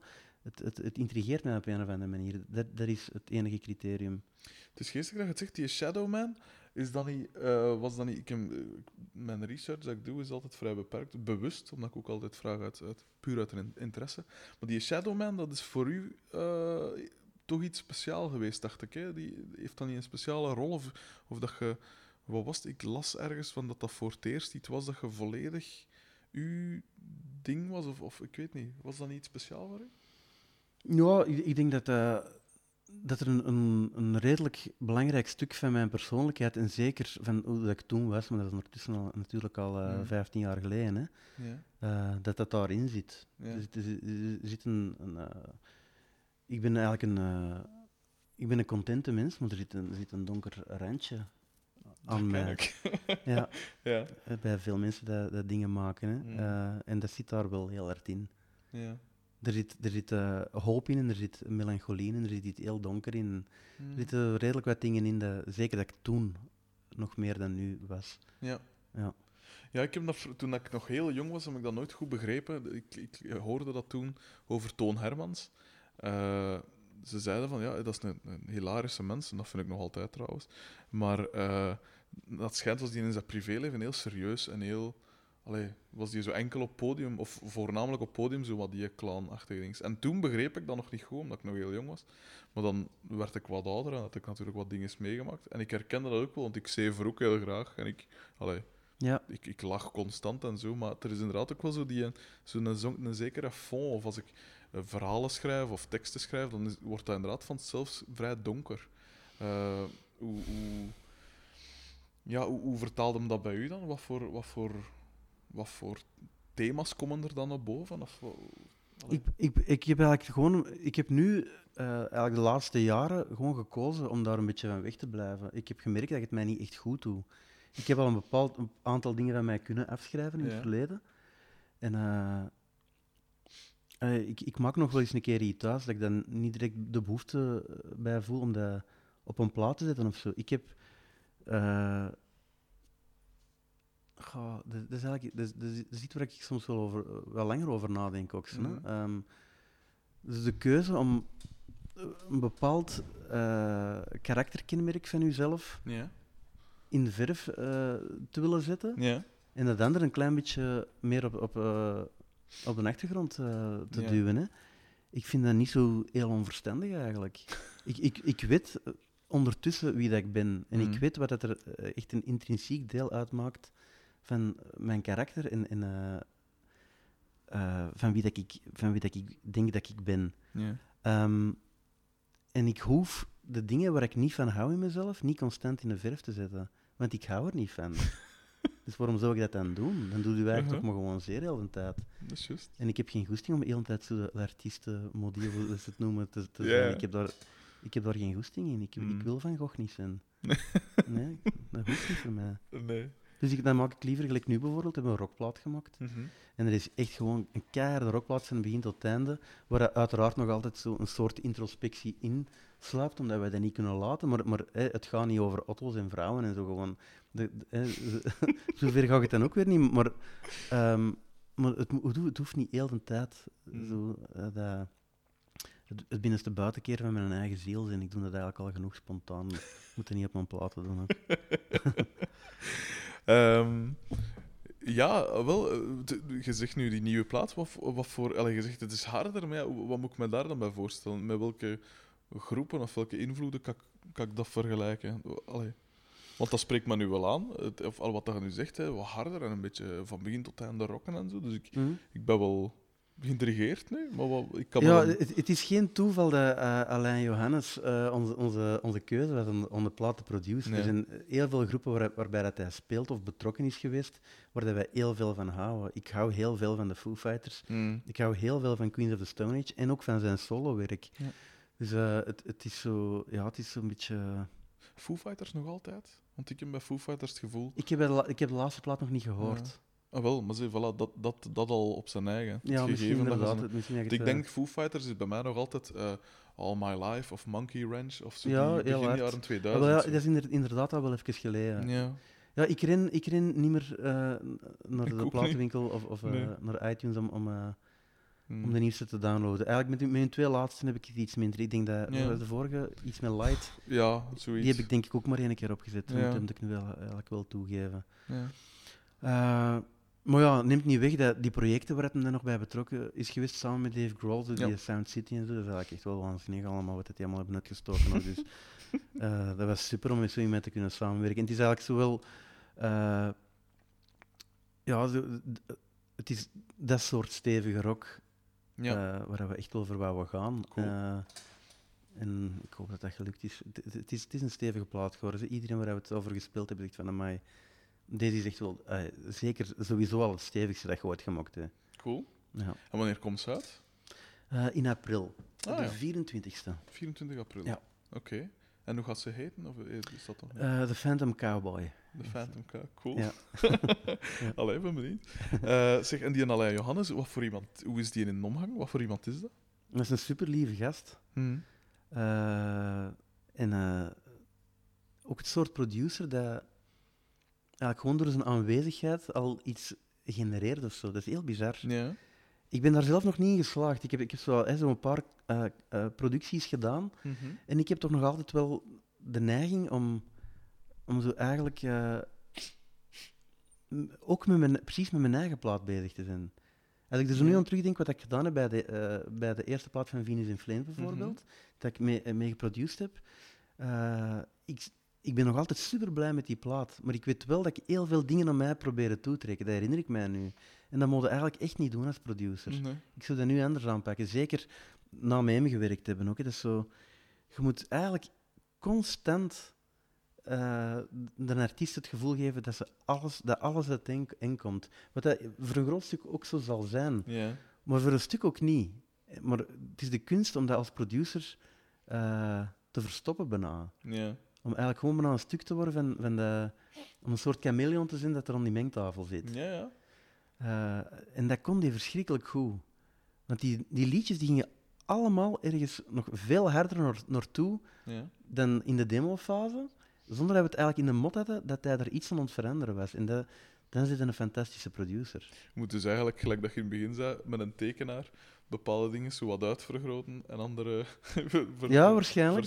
ik denk dat dat inderdaad geen is dat, die, dat Mhm. een goede producer doet, Ja. zonder dat, dat te zeggen van, mannen, nu gaan we iets anders proberen. Hè. Zo eigenlijk gewoon van, eh, zo af en toe gewoon tegen één, in plaats van tegen iedereen even iets zeggen. Kan ik even dat doen? Ah, ja. Zo, en zo, en zo, eh, Cool. en af en toe dan wel tegen iedereen op de juiste moment. Het is echt het is een kunst op zich, hè, duidelijk. Ja. Maar hij was er verschrikkelijk goed in. En het is een super, eh, super sympathieke man ook. Ja. En het is eigenlijk ah, het is eh, toch een klein beetje een rockster, uiteraard. Nee. En mensen hebben al wat meegemokt. Ehm, eh, en ja, eh, zo, zoals ik zei, we, het, het was eigen beheer, dus we proberen wel een klein beetje op ons centen te letten. Wel. Eh, maar we, we wouden het dus opnieuw in Echo Mountain doen, in, in Asheville, Ja. in Amerika, omdat het een studio is waar we heel graag zitten. Mhm. En die studio die heeft ook een eigen huisje op ongeveer een kilometer van de studio, waar we dus 's morgens naartoe kunnen rijden met z'n allen. En eh, het had logisch geweest, om, eh, omdat we hem nog nooit hadden ontmoet, om hem bijvoorbeeld eh, in een hotel te steken vlakbij de studio. Mm. Eh, gewoon downtown. Maar we waren ook aan het denken van, oh shit, eh, als je dat begint op te tellen, zo die, die, die twee Zo- weken, zo. dat, dat telt aardig op weer al. Ja. Kom, we vragen gewoon, we zetten wel een zetel in de gang. En, dat zou wel lukken, zeker. En we hebben dat voorgesteld en die was direct akkoord ook. Dat was direct van, ja, ja, nee, nee, ik kom wel bij alles slapen. Cool. Eh, dus die was direct helemaal mee om zo een, een, stuk van de groep te zijn. Zo. En, eh, Ja. dat, is van, eh, dat zegt al direct genoeg over, over Ja. iemand zijn persoonlijkheid. Dat hij daarmee meegaat en denkt van, oké, dit is voor plezant. Ja. Zeg, en je zegt dat je zelf al eh, product, allee, andere platen geproduceerd hebt. Wat zo nog allemaal? Van, van, dus je zegt Venus in Flames en wat nog zo? Ja, ik heb van Lander eens een keer een single geproduceerd ook. Ja, bij mij thuis een paar, een paar dingen dat ik eigenlijk vooral heb samen heb geschreven met andere mensen. Ehm, maar de, de ene, ik zo denk aan een plaat dat ik van begin tot einde geproduceerd heb, dat is eigenlijk één plaat. hè. Dat Ah, is ja. Eh, een volledige LP, dat is alleen Venus in Flames. Dat is eh, Notes of Tenderness van Diane. En je zegt dat je ook eh, af en toe nummers schrijft voor anderen. Zijn er, zijn er bekende dingen bij? echt? Of, of... Tot hiertoe helaas niet. Ik probeer, ik probeer even toch iets te pluggen bij, bij mijn publishingfirma, maar... Uh-huh. Ik heb er deze week nog met mijn vrouw over gehad. Van, allee, hoe komt het nu dat niemand mijn liedjes moet hebben?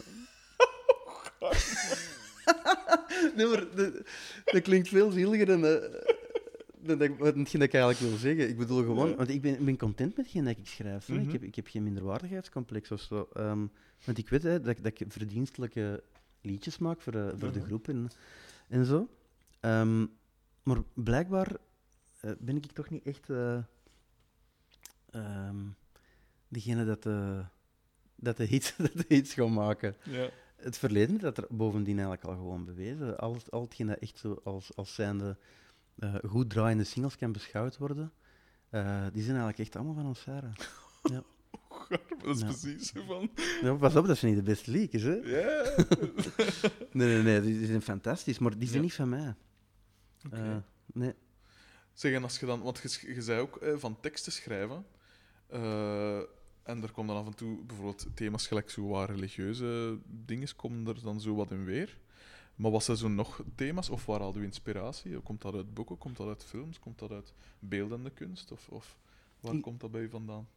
Ik denk dat het een combinatie is van, van eh, hetgeen dat mij gewoon dag dagelijks bezighoudt en, Mhm. en, en het feit dat ik graag teken. Hmm. Dus, dus ik, ik denk dat ik dikwijls zo, eh, zo een, een tekening kan maken met woorden. Ja. Dat is blijkbaar iets dat ik graag doe. Als ik daarna zo'n tekst herlees van mij, dat gebeurt af en toe wel eens een keer. Dat, dat, dat ik zo denk van, oké, dit is eigenlijk iets dat ik wou tekenen, maar ik heb het gewoon opgeschreven. Mhm. Hè, gewoon eh, een, eh, een mens op, op een berg. Ik zeg zo maar iets. Dat zijn Ja. dingen dat ik graag... Ik teken dat graag. Ja. Mensen die op, op bergen staan. En dan, en dan schrijven ze dat ook op een bepaald moment schrijven dat in een tekst. En voordat je het weet, je ja. je dan zo Echo Mountain geschreven of zoiets. En er, er is, dat gaat altijd wel... Cool. Ja, het eh, ik, ik schrijf betrekkelijk beeldend, denk ik. Ja. Ja. En schrijf je veel vanuit de ik-persoon of verplaatst het naar een, een, een, derde persoon? Of hoe... Allee, want als je schrijft in de ik-persoon, ik merk dat zelf ook, ja, dan, dan is het, komt het veel persoonlijker over, omdat je eigenlijk, ja, je, sp- je spreekt iemand aan over jezelf, zo gezegd. Ook al is het misschien wel. een rol of zo, dat je... Ah, dus meestal in de eerste Meestal persoon. ik of, of, of in een tweede persoon. Dat ik, alsof dat ik echt tegen iemand aan het eh, praten ben. Ja. Ja. Oké. En eh, ja, gelijk bij die. Zij je een, een lezer? Zij je een, een, een, een, een, een filmfanaat of weet ik veel? Vroeger, vroeger las ik meer dan ik nu lees, helaas. Ik heb, een, ik heb een heel uitgebreide boekenkast met heel veel boeken dat ik nog wil Dat lezen. ken ik. Omdat ik, Ik heb er hier minstens Omdat ik er- 160 liggen dat ik nog moet lezen. dat kan ook al wel tellen. dus ik koop er echt constant, constant. Maar ja, ik kom ja, het is dat. toe. Op tour altijd boekjes kopen en Mm. mijn vrouw zegt, maar wacht eens, eh, er, er stond er al honderd dat je nog niet gelezen hebt. Dat is ook eh haar kritiek altijd. Ah, ja. Zeg, en wat voor boeken zijn dat dan? Allee, ik, ik lees heel veel Engelstalig en, en Ja. Eh, ik, ik merk dat, dat het soort dingen dat ik lees, dat dat ook wel, eh, of waar ik het meest van hou, hm? dat de, de schrijvers zijn eh, dat, eh, dat iets beschrijven of, of dat op een manier schrijven dat ik eigenlijk ook wil leven. Mhm. Met een zekere ernst en proberen de dingen dat er echt toe doen aan te raken. Mhm. En er misschien eens een ander licht op, op, op willen schijnen Ja. af en toe. Maar met de nodige eh, dosis zelfkennis en relativering. Ja. Ik kan geen boeken lezen van mensen die zich verschrikkelijk au serieus nemen, Ja, dat nooit hun eigen in twijfel trekken en waar er niks humor in zit. Ik word daar zot van. ja, terecht. Ik kan er echt niet tegen. Dus, dus eh, ik hou verschrikkelijk veel van Kurt Vonnegut. Daar heb ik ongeveer alles van gelezen. Eh, ik ben ook zot van Ben Elton, wat dat waarschijnlijk heel veel mensen niet als volwaardige literatuur zullen beschouwen. Omdat dat, dat is lucht, luchtiger natuurlijk. Maar ik vind dat ja. Eh, en ik, ja, ik, ik lees eh, vaak eh, Engelse boeken. Geen eh, Wild van dan? Oscar Wilde? Ja, ook. Vroeger vooral. Ja. Als, als eh puber vooral. Ja, ja. Ook dan natuurlijk niet in het minst, omdat, omdat ik naar de Smits aan het luisteren was. hè. Wel, voilà. een- Ene pot net. Oké. Eh, ik ben er hier ver door, zeg. Ik ga, want ik ben hier ook de klok een beetje in, in toog aan het eh, houden, dat je een trein niet mist. Ehm, maar iets technischer dan. Zijn er, ehm, heb je een favoriete gitaar of een... een ja, want jullie sound wordt natuurlijk... Ja, is, je maakt, en zeker vroeger, ik weet nu niet hoe dat zit met het latere werk, maar eh, dat, was, ja, dat is gitaarmuziek. Dus de sound van de gitaar is, neem ik aan, toch vrij belangrijk. Zij je daar heel... ehm, ja, gedecideerd in van ik moet dat soort gitaar hebben? Of zij je iemand dat zegt van ja, ik pak hier het eerste dat ik in mijn handen krijg. En, Ja, ik ben, ik ben niet zo eh, een, een, eh, Een materiaalfetischist. Absoluut niet. Ik speel heel graag op mijn eigen gitaren. Dus er is- zijn zo'n drietal gitaren dat ik eigenlijk beschouw als mijn favorieten. En die hebben ook alle drie een welbepaalde functie. Er is. Die zijn, dat is heel, heel wel omlijnd. Ja, en welke, welke zijn het dan en welke functie hebben ze? Eh, ik, ik gebruik een, eh, eh, een, een Jumbo Gibson om op te schrijven. Oké, Dus dat is een JC200. ja. Eh, die bevalt mij ongelooflijk goed. Die klinkt fantastisch. Die heb ik Mhm. eens tweedehands gekocht eh, een aantal jaar geleden in Amerika, waar ze nog betaalbaar zijn. Ja, inderdaad. Ehm, ik eh, speel mijn melodieuze, melodieuzere partijen dat cleaner mogen klinken Hm. op een Telecaster door een Vox. Ja. Ook liedjes de twee kanten op gaan, speel ik dan gewoon met een pedaal bij Ja. op een Telecaster door een Vox. Ja. En als je het echt van begin tot einde moet scheuren, dan, pak ik, eh, dan heb ik een Goldtop, een Gibson. Ah ja, Ja. oké. Cool. Ja, Cool dat dat is, meer, meer heb ik niet nodig. Ja. En een ukulele heb ik ook en dat vind ik fantastisch. Ik schrijf ook heel graag op mijn ukulele. Echt? Omdat zo, ja, dat, je kunt zo overal mee naartoe pakken. Ik smet dat in de auto. Dat is zo, Ja? dat is zo klein en je zit zo op je eigen mee te friemelen. Ik vind dat, ik vind dat een super, super plezant instrument. Ja. Echt, echt zalig. Dat is de reden waarom dat ik die, een, eh, die tweede gitaar daar van rechts, te beginnen hier in dat reksken aan de zetel, Ja? is een, eh, een dingen. Een, eh, een dingen. Een, een, een- wat is dat nu weer? Een, een junior van het een of het ander. Ik weet niet. Les Paul? Nee, ik weet niet wat dat is. Allee, dat is zo'n klein, een kleiner gitaarke, Ja? maar met zo'n diepere klankkast, waardoor Ah, je toch nog een truffelijk volume hebt. Ah ja, maar ze Eh, weten dat nodig. Hè, En omdat dat ook zo klein is, ja, pak dat gewoon mee. En, en, Ja, eh, dat is super dat is praktisch. ideaal. Oei, oei. Het is hier even aan het hagel. Ehm ja, ehm nog, één, nog één vraag eigenlijk. Ehm zijn er van, van... Want je hebt nu al zoveel meegemaakt en zo. eh, tours en waar dat iedereen van, van maar alleen maar van kan dromen. Allee, of welke muzikant eh, alleen maar van kan dromen. Zijn er van die verhalen dat je nooit meer gaat vergeten? Of, of van, dat je dacht van, what the fuck is dat hier? Wat staan we hier te doen? Of zo van die, ja, straffe verhalen. Je moet niet per se namen noemen, hè, als er eh, compromitterende dingen in zijn. Maar... Ja, nee, ik, kan zo wel aan bepaalde tours denken dat je soms denkt van, eh, zeker in, het begin, in de beginjaren dan, hè, dat je zo in, de- in het roergebied ergens in een zaal terechtkomt waar dat, eh, waar dat drie man is, wa- waarvan dat twee techniekers Ja. zijn, eh, dan denk je van, oké, ze- zijn we nu echt waar met, met zo'n gammel vanneke eenmaal naar hier gereden om hier te komen spelen? En dan denk je soms wel van, waar zijn we eigenlijk mee bezig? Ja. Zo, zo van die situaties mocht er meer, mocht er meer mee natuurlijk, zeker, eh, zeker als je ergens aan het timmeren zit. Hè. Maar Het zal wel zijn. op zo'n moment is het ook gewoon belangrijk dat je, dat je er met een hoop maten zit, hè. dat je ermee kunt lachen. Ja. Als, je, als je dan een solo-artiest zit en je doet dat alleen, dan denk ik dat, dat je heel sterk in je schoenen moet staan. Maar het niet zo van dat je in Amerika ergens. eh ah, wel, gelijk wat je nu zei van Allee, Johannes, dat hij dan bij onder, dat je er een zetel in de gang zet. Of, of allee, dat soort. Ja, hoe moet ik het zeggen? Bijna surrealistische situaties zo meemaakt.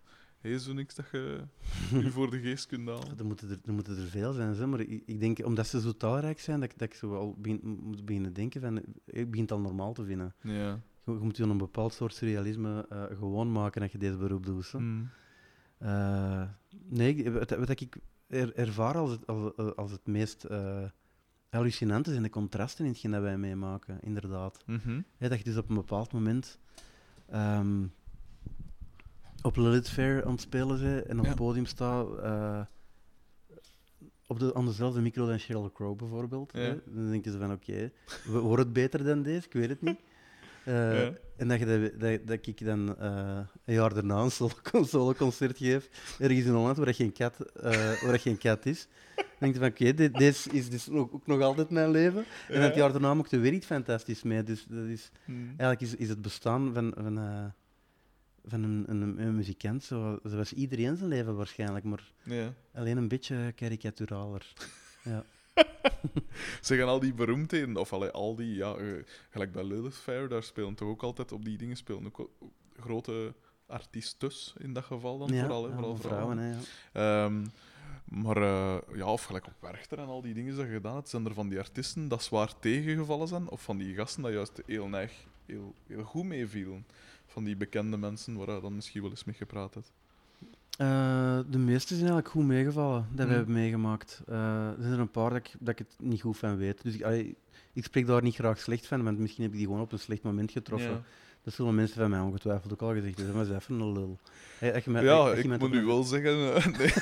Nee, maar dat is zo, als je iemand op een verkeerde moment, Ja. op een verkeerde dag treft en, en die heeft echt geen goesting om te babbelen met u, Hmm. en, en er is iemand met, met een zekere bekendheid en heel rap de neiging om te denken van, Ja. dat is wie dat, dat is. ja. En hij is niet vriendelijk geweest tegen mij. Wie denkt hij wel dat hij is? Omdat hij beroemd is. Hè? Dat is zo direct, Ja. Ik studeer weg, hè, dus Hm. ik, eh, ik vind dat een beetje moeilijk om te zeggen. Er zijn er zo een paar wel dat een beetje zijn tegenslagen, maar ik zeg het, dat is waarschijnlijk omdat ze, omdat ze geen tijd hadden, zal ik dan maar denken. En wie is dan de grootste dat wel meeviel, dat je dacht van, allee, die is nu zo bekend, of die is nu zo bekend. Eh, en dat is eigenlijk maar een heel gewone mens. Peter Gabriel, Echt? bij uitstek. Peter Gabriel. Ja, ongelooflijk. Dat is, dat is iemand waar ik af en toe aan terugdenk, dat ik denk van, dat vind ik echt spijtig dat ik die nooit meer zie. Ja. Zo, dus iemand, dat is zo, eh, er zijn mensen waar je direct je eigen goed bij voelt, hè, waar je Ja, denkt van, oké, hebben we nu in de buurt zouden wonen? Misschien hebben we ooit een band zouden kunnen hebben. En Peter Ja? Gabriel is zo iemand. ja, dat is precies een Cool. onkel van mij. Echt waar. Hij is, uiteraard, hij is een stuk ouder dan mij. Ja. Maar, maar het, eh, zo, zo even mee aan het babbelen, eh, hebben we- we in zijn studio waren. En, en eh, zo'n verschrikkelijk innemende, vriendelijke, eh, down-to-earth mens. Echt? Dat, cool. dat heb ik nog nooit. eh, in, die orde, eh, eh, in die orde van bekendheden hè, Ja, ja. heb ik dat nog nooit meegemaakt. Een super, super coole gast. Ja. Ja. Cool. Zijn er nog, de allerlaatste vraag. Zijn er nog platen of groepen of artiesten dat, dat, we, dat jij vindt dat de mensen zeker eens moeten checken? De echte platen of zo dat je kunt aanraden of waar je echt into bent op dit moment? Iets, iets dat mensen zouden moeten ontdekken, vind je? Ehm, goh, ik weet niet of ik nog veel dingen aan het luisteren ben waar er nog niet heel veel mensen van gehoord hebben. Zo. Ja. De laatste jaren hebben mij ook, uh, enfin, het is nu al wel een tijdje bezig, maar uit al, al, al hetgeen waar dat Bon Iver eh, bij Mhm. betrokken was, was ik heel, heel verliefd op. Ja. Ehm, van super nieuwe dingen hmm, kan ik niet direct op iets komen. Of juist super oude dingen, hè? gewoon van die verborgen dingetjes. Verborgen eh, juweeltjes. Ehm echt, hè? moet ik heel even, heel even denken. Ik heb heel veel zitten schrijven de laatste tijd. Ik heb heel weinig zitten luisteren. Ja. Hmm.